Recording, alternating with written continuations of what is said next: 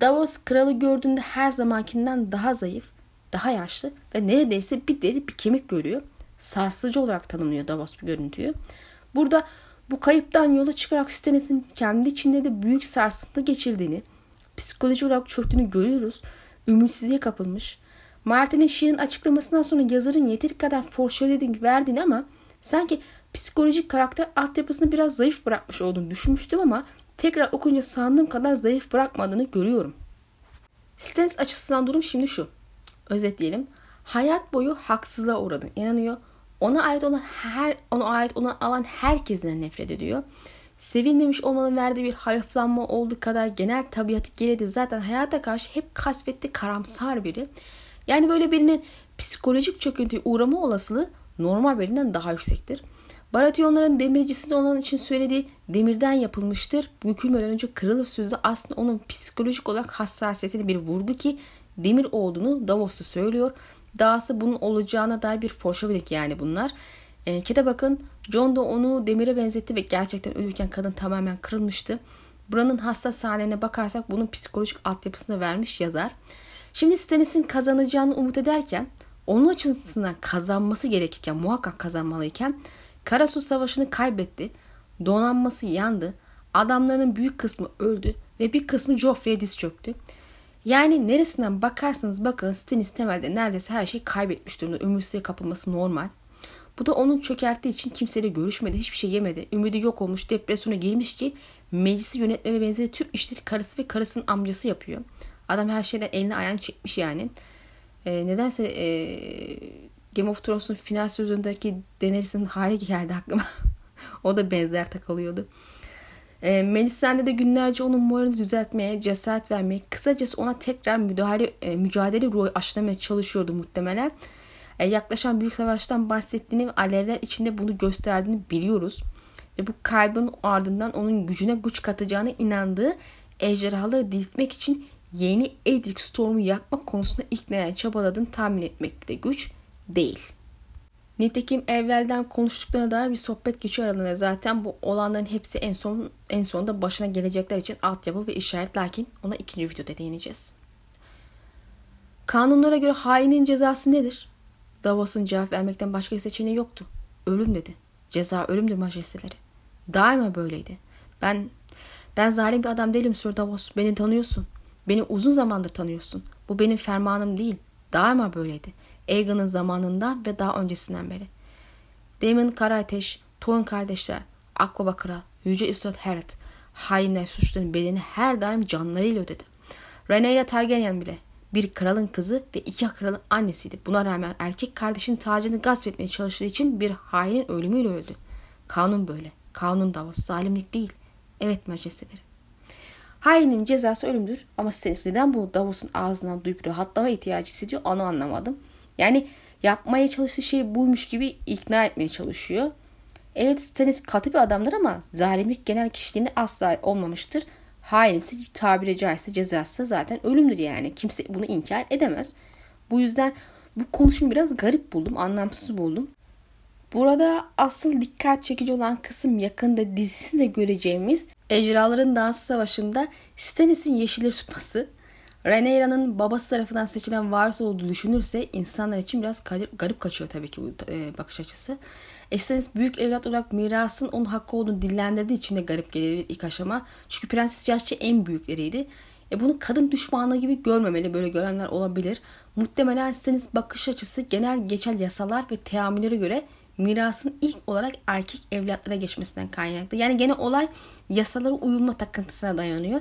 Şimdi diğerde doğum yasaları geçerli olsa bu lafı etmezdi diye düşünüyorum. Çünkü video başlarında da söylediğim gibi bu adam daha sonra kendi kızını varis olarak tahta oturtulmasını istiyor. Erkek evladı olsa onu varis yapar ve hepsi tamamen yasaya duyduğu aşk yüzünden. Elbette sisteme körü körüne bağlılık vesaire eleştirilebilir ama kadın düşmanlığı şeklinde bakılmaması gerektiğini inanıyorum ama elbette bu demek değildir ki bir ata erkek kafaya sahip değil ama temelde seride hemen hemen herkes zaten bu kafaya sahip. Ona özel bir şey değil. Sir Axel savaşın yenilgisinden sonra küçük de olsa bir zafer ve minik bir zenginlik elde ederek insanlara savaş ruhu aşılacağını öne sürerek Celtic makamı olan Pençe Adası'na saldırılmasını öneriyor. Karasu Savaşı'na kadar Stannis'e bağlı kalsa da kayıp sonrası karşı tarafa geçtiği için cezalandırılması gerektiğini ve bunun düşmanlara da iyi bir mesaj vereceğini düşünüyor. Stannis belli ki daha önce önerildiğinde bu fikirden çok hoşlanmamış ama yine de küçük de olsa caiz bir bal kovanı olduğu aşikar.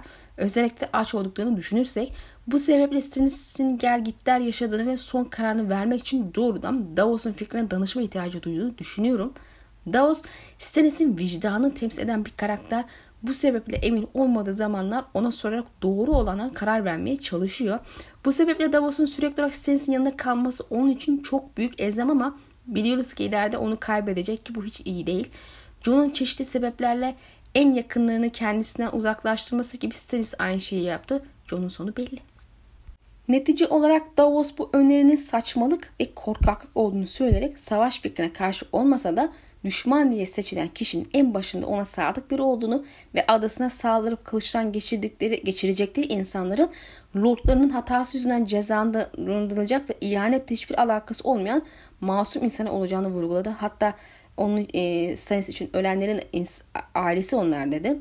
E, tartışmanın sonunda elbette Stannis Davos'un sözlerine hak verdi ve zaten rahatsız olduğu fikrinden e, tamamen uzaklaşmış oldu bu fikirden.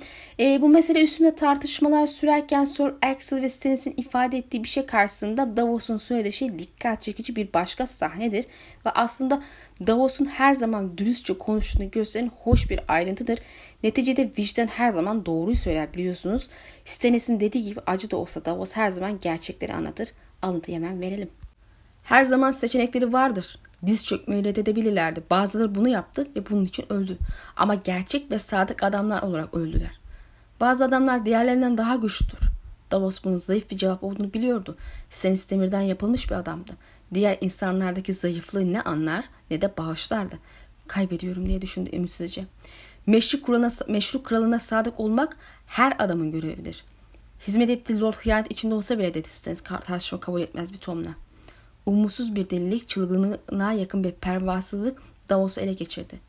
Kardeşleriniz sancaklarını kaldırdığında sizin kral Eris'e sadık kaldığınız gibi dedi hiç düşünmeden. Salona şaşkın bir sesi çöktü. Sonunda Soraksa bağırdı. Hayır Nick! Ve hançerini kınından çıkardı. Majesteleri bu adam şenatini yüzünüzü haykırıyor. Davos Stannis'in dişini gıcırdattığını duyabiliyordu. Kralın anda mavi ve kabarık bir damar belirdi. Gözleri Davos'un gözleriyle buluştu. Dilini de parmaklarını kısalttığım kadar kolayca kısaltabilirim kaçakçı. Ben sizin adamınızın majesteleri. Yani bu da sizin. Ne isterseniz yapabilirsiniz. Evet benim dedi Sens daha sakin bir sesle. Ve o dilin gerçekleri söylemesini istiyorum. Gerçekler bazen acı olsa da. Eğriz, keşke bilseydin. Zor bir seçimdi.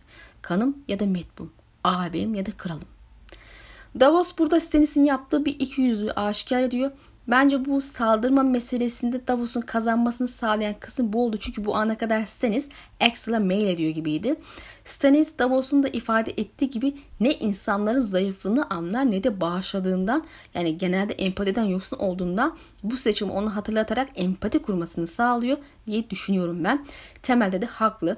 Neticede Stannis geçmişte kralına sadık kalmadı ölümle yüz yüze geldiğinde onun lordları neden sadık kalsın yahut bunu nasıl talep edebilir? Estanis de e, bu seçimin kolay olmadığını söylüyor. Neticede yasalara e, sadakatle bağlı biri için gerçekten çok zor bir seçim olmuş olmalı.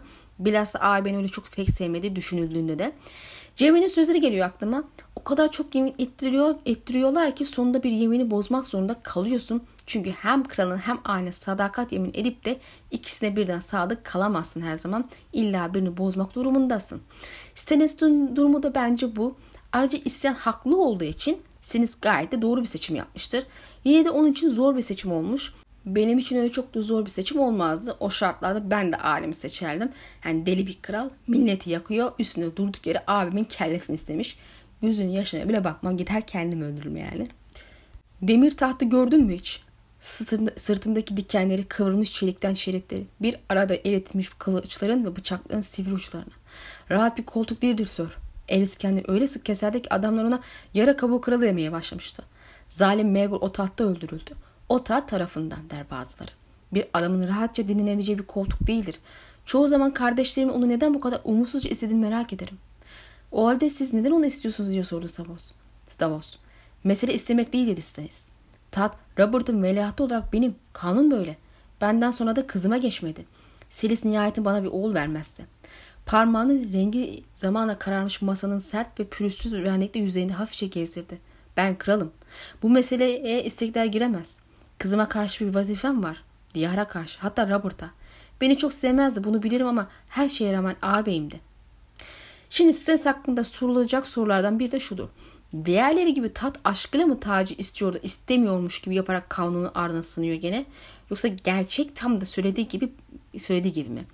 Benim kişisel görüşüme göre Stannis'in içinde büyük bir hırs var. Bu hırs uğruna o tahtı kendi için istiyor ama tahtın kendisini istemiyor. Kafa karıştırıcı mı oldu? Şöyle açıklayayım. Stannis'in hayat boyu hak ettiğini inandığı şeyleri ondan esirgendiğine inandığını ve bunun içinde bir kine dönüşünü biliyoruz. Ustad Kresen açıkça ifade etti zaten. Meşhur da olsa her piç gibi Stannis de hırslanıyor ve insanlara kendisini kanıtlamak, ona ait olana sahip olarak çevresine tabiri caizse gününü göstermek istiyor. Misal Tyrion'un Kaya'ya miras, miras alma arzusunu temelde hak ettiğine inanmasından geldiğini düşünüyorum. Tamam Tyrion makam sever ve bundan zevk alır ama şu bu olayım e, güç e, peşine gideyim derdine düşen biri olmadı bana göre. Onun da tüm derdi kendini kanıtlama, ondan esirgenenleri elde ederek bir nevi kendisini dışlayanlardan intikam almak. Stannis de Tyrion gibi bir motiveyle, aynı motiveyle hareket ediyor diye düşünüyorum. Bu sebeple aslında arzu ettiği tahtın kendisi değil. Zaten ifade ettiği gibi çok da arzu edilecek bir şey değil. Ama taht onun hakkıdır ve ondan esirgenen her şeye karşı hakkı olan bu tahtı almak zorundadır. Bu onun için onu öteleyen herkese karşı bir zafer olacaktır. Tat bunun simgesi. Bu kendi içinde de eksikleri kısmen tamamlayacak. Bazı yaraları tamamen kapamasa da iyileştirecek ve kendini nispeten bütünleyecek. Ayrıca unutmamak lazım ki Stannis sorumluluk sahibi biridir. Yasayla üstüne yüklenen sorumlulukla da yerine getirme arzusu var. Tiberius için ne denmişti? Tahtı gerçekte asla istememişti. Ama sorumlu geri o tahta geçti. Benzer bir durum var. Sizin adınıza bir şey diyemem ama ben hükümdar olsam Stens gibi sadık ve sorumluluk sahibi birini yanımda ayırmak istemezdim. Robert cidden bir şeyden anlamıyor. Yani. Ne var yani huysuzuna katlansan senin keyfin mi önemli diyarın iyiliği mi? Fıstık gibi işini yapardı adam ya. Bu sebeple bile Robert bir kere daha ölmeli bence. Robert'ı lanetlemeyi bırakıp tekrar kardeşine dönelim. Bir Cheov silahı, bir altyapısı sayesinde geldik. Stannis'in hikayesi için önemli bir işaret olduğunu düşünüyorum. Edric Storm. Penrose ondan vazgeçmektense ölmeyi tercih etti. Kral dişlerini gıcırdattı. Bu beni hala öfkelendiriyor. Çocuğa zarar vereceğimi nasıl düşünebildi? O zor günler, gün geldi Robert'ı seçtim öyle değil mi? Kanımı onuruma tercih ettim. Çocuğun adını kullanmıyor. Bu durum Davos'u fazlasıyla rahatsız etmişti. Genç Edric'in bir an önce sağlığına kavuşmasını umarım. Stannis Davos'un endişesini gidericesi elini sağladı. Soğuk algın hepsi bu. Öksürüyor, titriyor, ateşi var. Üstad Pylos onu yakında, yakın zamanda iyileştirir. Çocuğun tek başına hiçbir değeri yok. Ama damarlarında abimin kan akıyor. Kadın bir kralın kanına güç olduğunu söylüyor. Stannis burada kendi içinde yine bir ikilem, ayrım, savaş veriyor. Onun pova olmadığı için böyle şeyleri çok net göremiyoruz. Yani ancak başkasının gözüyle görebildiğimiz kadarını yorumlayabiliyoruz. O yüzden birazcık e, Stannis'i anlamak zor oluyor diye düşünüyorum. Yine de iyi kötü bir şeyler seziniyoruz tabii ki. Evdeki Cersei'nin ensest günahını diyarda kanıtlamak için kullanmak niye, kullanmaya niyet eder, ederek ele geçirmek istiyordu ama kale muhafız komuta nedense Stannis'in oğlana zarar vereceğini düşünüp teslim etmedi. Bu o adamın şartlarında bence de çok saçmaydı. Çünkü teknik olarak bu piçin Stannis için tehdit oluşturma şansı yok. E Stannis de bunun farkında. Bir piçi tehdit gören tek kişi Catelyn'di. Etlik neticede meşrulaştırılmış biri değil. Stannis piç diye Cersei gibi milleti asıp kesmiyor da. Yani çok boş ve anlamsız bir inat uğruna öldü adam. Haklı olarak Stannis bu duruma kızıyor ama çocuğun adını kullanmadığını, Davos'un bunu fark edince huzursuzlandığını ve Stannis onu kral kana bağladığını okuyunca Penrose'un içgüdüleri sağlam bir yorum yapma durumunda kalıyoruz. Zira Melisandre o depresyon döneminde Stannis'in aklına girip e, Edric'i feda ederek ejderhaları uyandırmayı ve gücüne güç katmayı zaferi vaat ediyor. E, Stannis'in gayrimeşru her türlü işi uyuz olduğu için aslında piç çocuklara da hoş hisler beslemiyor. Bilhassa çocuğun onun düğün gecesinde düğün yatağında yapıldığı düşünülürse özel bir navaş hissi de var Edric'e. E kardeşlerine özel bir sevgisi olmadığı için Edric de temelde onun için çok büyük bir şey ifade etmiyor. Tabii hani kanı olduğu için ayrı e, bir şeysi var ama Ee, şöyle bakarsak ağır bir kayıp aldı ve zaten zayıf olan gücü daha da zayıfladı. İçine düştüğü çukur onu tüketmeden evvel çıkması lazım ve Edric'in ölümüyle doğacak ejderhalar ya da bir ejderha fark etmiyor. Onu ikinci bir Fatih yapabilir. Stannis zeki bir adam tüm artıları eksileri tartabiliyor ama neticede Edric Pitch de olsa onun kanı ve ayrıca masum bir çocuktan bahsediyoruz. Haliyle vicdanı sızlıyor. Kabul edilemez bulduğu için ilk aşama tamamen red ediyor. Bir ihtimal büyünün işe yaramasından ve Melisa'nın hakkından da şüphe ediyor sanırım. Çünkü kırmızı kadın kendisine koşulsuz güvenip teslim olması için bir hileye başvuruyor. Edric'in kanını sürükledikten sonra 3 tanesinin 3 kralın ismini söyleyerek Maltız'a, Maltız'da yaktırıyor Stannis'e. Ve bu büyüyle kralları kendisinin öldürdüğü yalanı atıyor. Aslında sadece alevlerin içinde ölecekleri gördüğü için fırsatı değerlendiriyor. Martin bunu böyle resmi olarak açıklamıştı. Bu şekilde Stannis kadına tamamen teslim oluyor. Zira 3 kral da öldü. Hayatın bedelini yalnızca ölüm ödeyebilir. Çocuk dedi kral tükürür gibi. Çocuk diye onayladı kraliçe. Çocuk diye tekrar etti Sir Axel. O sefil çocuk beni doğumundan önce bile ölümüne hasta ediyordu diye sızlandı kral. Onun adı kulaklarım içinde bir uğultu, ruhumun üzerinde bir kara bulut. Taşın hayat bulduğunu görmek fevkalade bir şey olur diye kabul etseniz ve bir ejderhaya binmek. Onun adı Edric Fırtına Efendimiz. Onun adını biliyorum. Bundan daha uygun bir isim var mıdır? Çocuğun piştiğini, soylu kanını ve yarattığı karmaşayı, karmaşayı beyan ediyor. Edric Fırtına. İşte söyledim. Tatmin oldun mu Lord? Elim. Edric diye başladı Davos. Yalnızca bir çocuk dediyseniz. Bugüne kadar yaşayan çocukların en iyisi olabilir ve bu hiçbir şey değiştirmez. Benim vazifem diyara karşı. Elleri boylu masada gezindi. Batı diyarda kaç erkek çocuk yaşıyor? Kaç kız çocuk, kaç erkek, kaç kadın? Karanlık hepsini yiyip tutacak. Melisandre böyle söylüyor. Asla bitmeyen gece. Kehanetlerden bahsediyor. Denizde yeniden doğan bir kahraman, ölü taştan can bulan ejderhalar. İşaretlerden bahsediyor ve onların beni gösterdiğine dair yemin ediyor. Bunu ben istemedim. Kral olmayı istediğimden fazla değil ama kadını sarfı nazar etmeye nasıl cüret edebilirim? diye dişlerini gıcırdattı. Kaderimizi kendimiz seçmiyoruz ama vazifemizi yerine getirmeliyiz değil mi? Büyük ya da küçük vazifelerimizi yerine getirmeliyiz. Melisande beni alevlerin içinde gördüğüne dair yemin ediyor.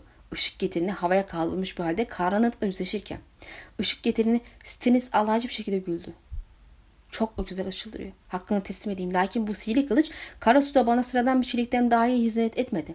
Bir ejderha o mücadelenin kaderini değiştirebilirdi. Bir zamanlar Aegon burada duruyor ve bu masaya bakıyordu. Benim şimdi yaptığım gibi. Eğer ejderhalar olmasaydı ona bugün Fatih Aegon adıyla anar mıydık sence? Majestri dedi Davos. Bunun bedeli, bedelin ne olduğunu biliyorum. Geçen gece şömineye bakarken alevlerin içinde ben de bazı şeyler gördüm. Bir kral gördüm. Başında alevden bir taç vardı. Yanıyordu. Yanıyordu Davos. Onun kendi tacı tüketti ve el, etlerikini küle çevirdi. Bunun ne anlama geldiğini Melisandre'den duymaya ihtiyacın var mı sence? Ya da senden? Kral hareket etti. Gölgesi kral toprakların üzerine düştü. Eğer Joffrey ölürse bir krallığa karşı bir piçin hayatı nedir ki? Her şey dedi Davos yumuşak bir sesle. Stannis Özde hem istiyor hem istemiyor. Davos onun vicdan olarak devreye giriyor. Stannis mantık ise Davos vicdandır. Bu ikisinin ahlaki meselelerdeki konuşması, tartışmaları bir insanın kendi içindeki mantık ve vicdanının çarpışmasının simgesel temsilidir. Bu yüzden Stannis ve Davos konuşmalı bence ayrı bir güzel bu açıdan bakarsak. Melisandres'i ihtirası temsil eden kişi olarak bizi sürekli cezbetmeye çalışan nefsimiz, şeytanımız rolünde. Stannis'in hikayesine kendi içinde boşluk güzel demedim. Sadece eğlence açısından yaklaşmamak gerekir. Davos masum bir hayatın her şey olduğunu söyleyerek Stannis'in niyetlendiği şeyin korkunç bir şey olduğunu, yanlış olduğunu anlatmaya çabalıyor ama biliyoruz ki bu tartışmayı kaybetti. Bedelden de bahsetti ve karşına Stannis'in gördüğü alev kehaneti onun sonunu da gösteren bir işaret olarak bize sunuluyor. Alevli tacı tarafından tüketilip yok olan bir kral yani Stannis.